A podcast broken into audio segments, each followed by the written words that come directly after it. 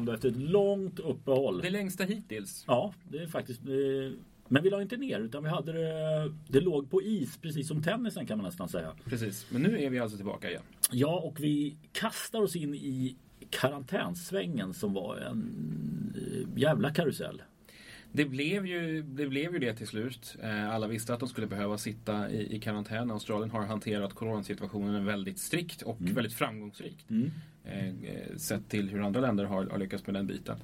Och eh, när ett antal spelare som kom ifrån eh, Dubai va? Dubai, ja. Tog med sig smittan in i landet så åkte de raka spåret in på respektive hotellrum och satt där i två veckor. En av dem var Elias Ymer. Ja, och det var inte han som var smittad utan det var ju Nej. någon på planet som var smittad. Mm. Även om det var spelare som också... Ja, det var några stycken. Det var inte jättemånga fall, men det var, det var en och annan. Mm. Eh, och det, det dök ju upp lite så här klagomål och sånt. Jag tycker inte... Det, det som jag förstod som var en liten twist det var att om det var VTA som hade... Det var att det här dokumentet var levande som de skrev på med eh, Victoria delstaten. Va? Att de kunde ändra i det beroende på om, hur smittläget var. Mm. Och det hade många missat om jag uppfattade det rätt. Så det var många som hade inte, inte hade förväntat sig helt enkelt Nej. att sitta så här länge som det nu Nej. är. Och det, det, sen tycker jag liksom att många har ju tagit det på rätt sätt också. Azarenka är väl en av dem som jag tycker var ute. Pablo Cuevas och eh, har väl varit nästan kungen av och, karantän. Ja, och Edward eh, Roger Vasselin med Ja. sina bollbanor där. Och, Ja. eh, nej, men, eh, de som valde liksom en humoristisk approach och att egentligen liksom bara i stort sett gilla läget för det fanns liksom ingenting de kunde göra. Det är ju de som går ut, ur det här med högburet huvud. Mm. Eh, sen så känns det ju som att framförallt australisk media gick ju väldigt hårt åt spelarna. Ja, Eh, minsta lilla gnäll förstorades upp ganska ordentligt och det, och det blev eh, väldiga rubriker om, om liksom de bortskämda tennisspelarna som sitter på lyxhotell och, och, och klagar över att de inte har någonting att göra. ja men det, lite, det känns lite engl, engelsk tabloid över det hela. Ja men det blev ju så. Någonting ska de ju ha att skriva om när det inte, när, när det inte pågår några tennismatcher. Nej. Eh, och i vissa fall var det ju mer befogat än andra. Till exempel Bernard Tomic och hans flickvän som tyckte att det var fruktansvärt behöva sitta i karantän eftersom att hon aldrig hade tvättat håret själv. Nej, det, var, ju- det var ju till och med så att Kyrgios gick ut och sågade henne. Han Ja. brukar ju inte vara på Tomic och det var betonat Nej, väldigt de, tydligt. de, har, de har liksom haft någon sån här gentleman's agreement han och Tomic. Som Ja. liksom, australisk tennis två bad boys att men vi låter varandra vara. Liksom. Ja. Men nu, nu går liksom måttet rågat. ja, det gick inte mer. Jag har full förståelse för det. Eh, det här var det sjukaste jag hört. Ja, ja, det klippet är... Ja, ja, jag vet inte om de plockar ner det men, men det är helt fantastiskt alltså. Vilken ja, verklighetsfrånvänd bild man har. Sen så känns det också, upplevde jag, jag vet inte hur du såg det, men, men eh, all eh, spott och spe som Novak Djokovic fick utstå känns lite som ett resultat av eh, allt som hände förra året. Ja men jag, jag får ing, Jag tyckte så här. Jaha, han gjorde det. Han skrev ett brev och ty, Ja. liksom påpekade den saken. Men vad fan, det pågår ju hela tiden. Det är klart han ska göra det. Han är den högste men, rankad etta och har liksom mer tyngd än om eh, Pablo Cuevas eller någon Han annan. Suttit i, spelarstyrelser och Ja. så vidare också. Så att jag- har inga konstigheter och jag tycker vad fan ska, det kostar ju ingenting att skicka iväg det här brevet. Uppenbarligen kostar det ju en del men rent Ja det kan ju inte bli värre. Nej. Ja. Och, och, det, och det handlade ju inte... Han, det utmålades ju som att han handlar i egen sak och att Mm. det bara, bara han satt och gnällde på att han tyckte själv att det var dåligt. Det var ju inte alls det det handlade om. Nej. Utan han förde andra spelares talan. Sen fanns det vissa som uttryckte sig klumpigt. Roberto Batista Agut sa att det var som att sitta i fängelse. Eh, förväntar mig mer av honom egentligen. Än Ja. att säga sådana saker. Jag tror den, den, Jag vet inte för det var väl nästan någon halvhemlig hemlig inspelning som gjordes med honom där som han Ja, det inte var var, medveten precis, om. det var någon, någon videochatt som var, som var öppen fast han inte visste det. Ja. Och det, att säga det mellan, mellan skål och vägg är ju en annan sak än att yttra sig det. För det kommer rätt snabbt den, den dementin och ursäkten över, över det. Så det, är- jag kan ju mycket väl tänka mig att det är en uttryck för frustration också. Att du sitter på ett hotell även om du, liksom, du vet reglerna här. Och det är klart att ja, men, men Elias Ymer sa ju själv att ja, men jag, jag, jag kan ju inte sätta min fot utanför hotellet. Det står en polis här ute i korridoren. Jag kan inte gå ut. Och gör jag det så åker jag på böter. Och sen har jag ju rökt på att spela också. Så. Ja, och Elias var en av de som jag tycker hanterade den där situationen alldeles utmärkt. Mm, In, ingen tjafs, ingen gnäll. Liksom Nej. bara, så här är det. Mm. tar vi oss igenom det här och så spelar vi tennis. Liksom. Ja, ja men det Mycket är bra. rätt inställning. Eh, ja, vad... Nu har vi fått igång de här turneringarna. Jävligt märkligt. Ja, framförallt det här sjuka uppehållet som blev nu Ja. efter de första turneringarna som spelades precis, precis efter eh, årsskiftet. Så att nästan en hel månad har ju hunnit gå. Ja, och det, alltså, vi satt här innan och sa ja, men, hur, hur gick det? Deminaur vann i Alanya som var en riktig skräpturnering.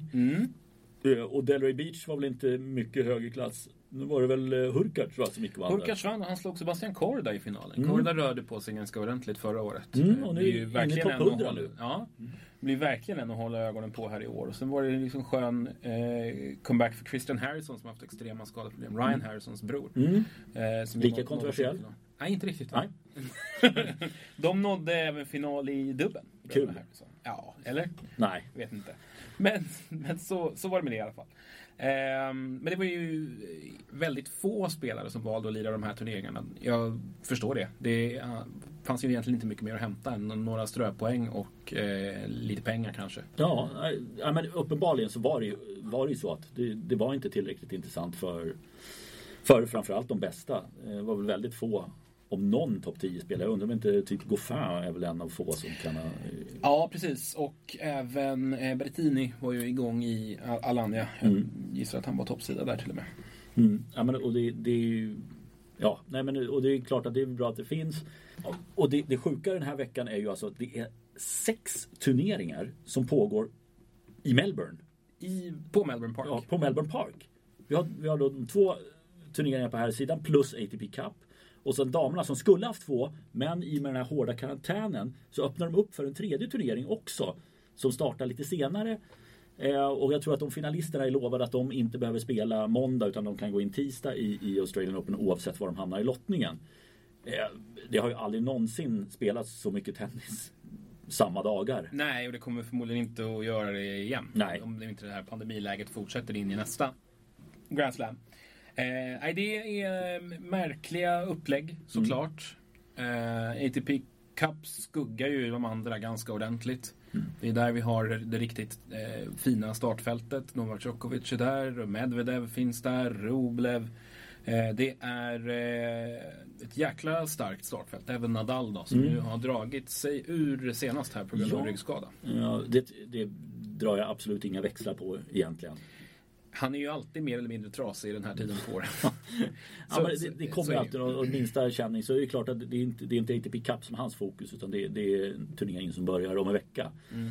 Eh, men jag tycker att det, ATP Cup blir ju och jag förstår att, att de bästa spelarna dragit sig dit för de får den absolut bästa sparringen egentligen Ja. i, i den turneringen jämfört med att lira någon av de andra turneringarna. Eh, och det ser man ju på start, startfälten också. Eh, även om det är många bra spelare i, i de andra också. Eh, så är det ju ATP Cup som sticker ut. Även om fortfarande, jag vet att vi pratade om det här förra året. Jag, jag drog mig upp lite grann från att såga det helt så flyttade jag upp det några pinnhål. Men nu får jag se hur, hur, hur jag hanterar det här året. För det, jag, har fortfarande inte, jag har fortfarande inte gått igång på det. Nej, jag är inte helt såld jag heller, men, men jag tycker att turneringen har ett större värde nu än, än vad den hade förra året. Eh, och sen har man lyckats samla så här mycket bra spelare på ett och samma ställe, det är ju bra. Men, men jag tror att det hänger ju såklart lite ihop med också att turneringar som Brisbane, Auckland till exempel eh, och Sydney, de eh, äger ju inte rum på samma sätt i år. Och de har inte kunnat locka med något start, startpengar eller liksom kunnat gjort någonting för att va- värva ihop ett bra startfält. Utan de bästa spelarna har gått till ATP Cup. Eh, kan ju bara nämna prisbotten där. 4,5 miljoner dollar. Att jämföra med eh, de två övriga eh, turneringarna i, ATP-turneringarna i Melbourne som ju har en eh, sammantagen prispott på 380 000 dollar. Så att det, det är ganska mycket mer värt att lira ATP Cup som det är nu. I alla fall så man fattar att det är definitivt är första valet. Ja. Och det, men, och, och det som jag kommer tycka är väldigt spännande i det här Det är ju att se liksom hur de här toppspelarna För ATP Cup är en lite annan karaktär för, i och med att du spelar i, för ditt land. Och sen kliver du rakt in i, i eh, Australian Open efter det. Eh, nu har väl de klarat av det tidigare men, men det, det känns väldigt konstigt. Vi är liksom inne i februari. Och man har inte fått någon känsla för hur någon står egentligen. Nej, exakt. Och det är alltid så väldigt intressant tycker jag att se vad den här typen av uppehåll gör med eh, olika spelare. Och, och som du säger, det blir jäkla spännande att kolla hur ATP Cup påverkar. Liksom, jag, jag har ju naturligtvis inte varit i den situationen själv men jag kan tänka mig att i, i de mindre turneringarna så handlar det ju inte eh, i slutändan kanske om att vinna de här titlarna eller liksom nå si, si och så många resultat utan att man kanske mer vill känna var man står spelmässigt och att liksom mm hamna i, vara i ultimat form eh, i Australian Open. Och, här är något annat. Ja, ja, och, och acklimatisera sig. Mm. För det är också en grej som det pratades en del om att ja, men komma in och och ja, men om du skulle komma in och lira i 45 grader värme på en gång i en femsetsmatch. Nej, det, det är fan inte lätt att göra. Och det är verkligen, det är ju inte ens om du har acklimatiserat dig. Men du får i alla fall bättre förutsättningar för att kunna optimera. Om vi tänker bort eh, det, det, faktum att de som spelar ATP Cup får en betydligt bättre matchning mot varandra. Så är det ju faktiskt betydligt mer rättvisa förutsättningar här för att alla spelar ju på samma banor. Ja. Eh, och får samma känsla för underlaget och mm. har samma möjligheter att komma in i turneringen egentligen. Mm. Det... Så det, det gör ju hela mycket mer rättvist och då får man kanske lite tydligare bild av var folk står in, inför turneringen. Men mm. å andra sidan, det, det, är så oerhört intressant att se vad det är. För att jag tror att ett sånt här uppehåll kan förlänga en karriär för någon mm. som har haft problem eller som har tyckt att det varit jobbigt med tennis rent allmänt eller haft skadeproblem. Men det kan släcka en också som inte har liksom känt motivationen under ett sånt här uppehåll och hålla igång. Liksom. Mm. Men, och det, om, om vi då vi, vi tar, Bröderna Ymer förlorade båda sina första matcher. Mm. Gilles Simon respektive Manarino. Eh, det är väl inte något jättekonstigt. De, att de gör det. Micke har man inte sett till speciellt mycket under. Han extremt låg profil hela vintern mm. känns det som. Ja, drog sig ur Delray Beach också om jag inte missminner mig. Eh, så att där, där är det svårt att veta var de står. Nu har de i alla fall fått varsin Marcelias kvala in vilket var jättebra. Eh, otrolig kvalfacit på honom när det gäller Grand Slam. Eh, men om vi tittar liksom lite fram mot Australian Open. Vad är din känsla? Kommer de här yngre killarna ikapp nu? Jag tror ju att jag tror att de har en, en bra möjlighet men, men det, jag tror att det är så oerhört individuellt. Alltså jag tror att det hänger så väldigt mycket på hur man har skött sig under det här uppehållet. Mm. Ehm, och jag tror också att spelare som kanske har, eh, för att använda ett gammalt uttryck, lite mer boll i sig. Mm. Eh, kommer nog ha lättare att komma in i det här. Alltså spelare som har kanske en just, just talangbegreppet kan man, kan man alltid debattera. Men, mm. men som kanske är mera liksom råtalang. Som kanske är mera som har lättare att liksom komma tillbaka till, till spelet och hitta träff och liksom kan läsa spelet på ett bättre sätt. Mm. Eh, de borde ju kanske ha en, en, större möjlighet att liksom inledningsvis göra bra resultat. Just för att de, de kanske inte har riktigt samma startsträcka som en spelare som möjligtvis inte har riktigt samma talangmässiga grundförutsättningar men som kanske är mer av en träningsprodukt. Det är min tanke. Ja, men, men jag... Intressant tanke. Det, det, jag, jag, undrar om, jag, min känsla är att jag tror att de här lite äldre gardet kan hålla ifrån här i början. För då, just det här med att de kan hantera uppehållen tror jag lite bättre. Eh, vi kommer under året tror jag vi kommer få se att de största elefanterna välts vid några tillfällen som vi inte hade väntat oss kanske. Men i Australian Open undrar jag om inte gammal är äldst här att de killarna kommer vara framme. Jag pratar förstås om Djokovic, Nadal eh, primärt.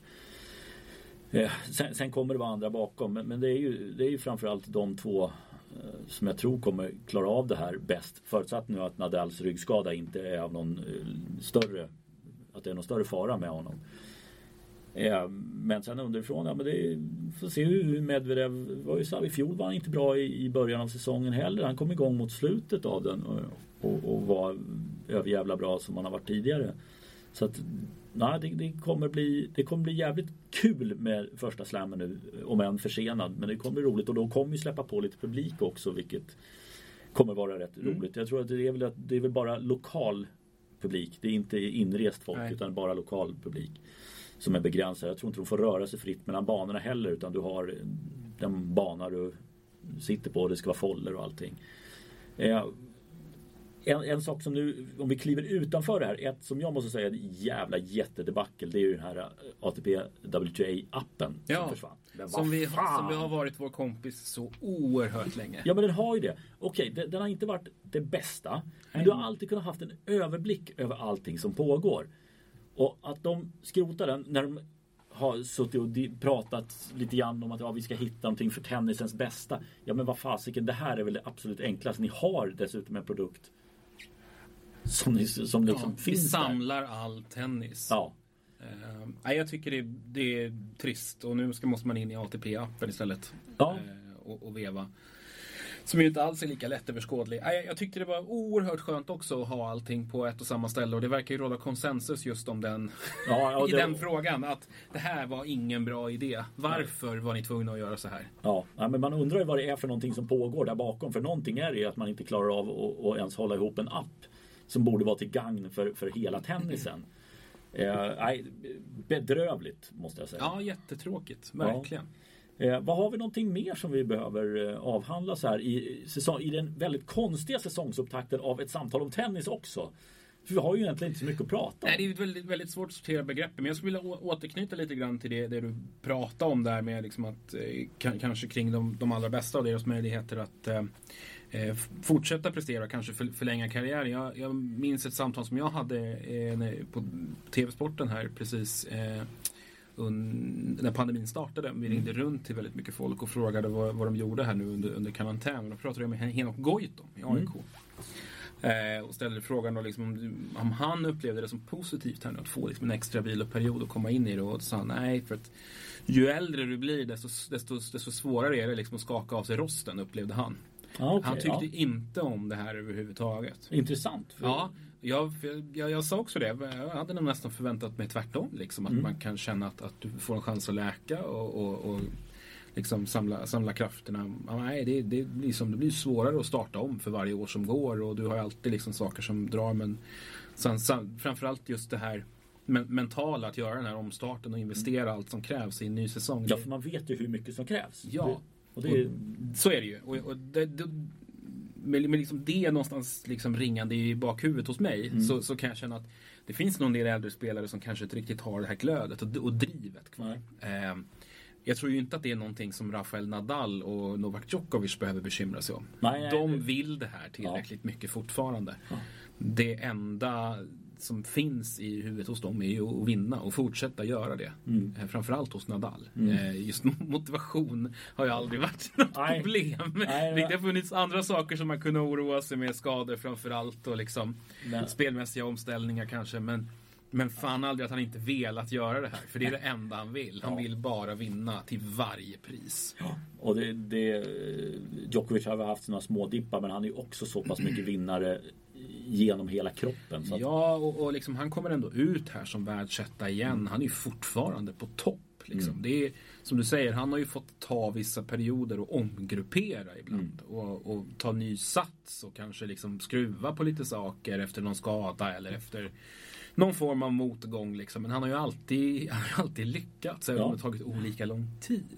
Och han har ju aldrig haft liksom någon, någon katastrof, utan han gör någon eller ett par lite sämre, för det är fel att säga dåliga resultat för det är ytterst sällan han gör det.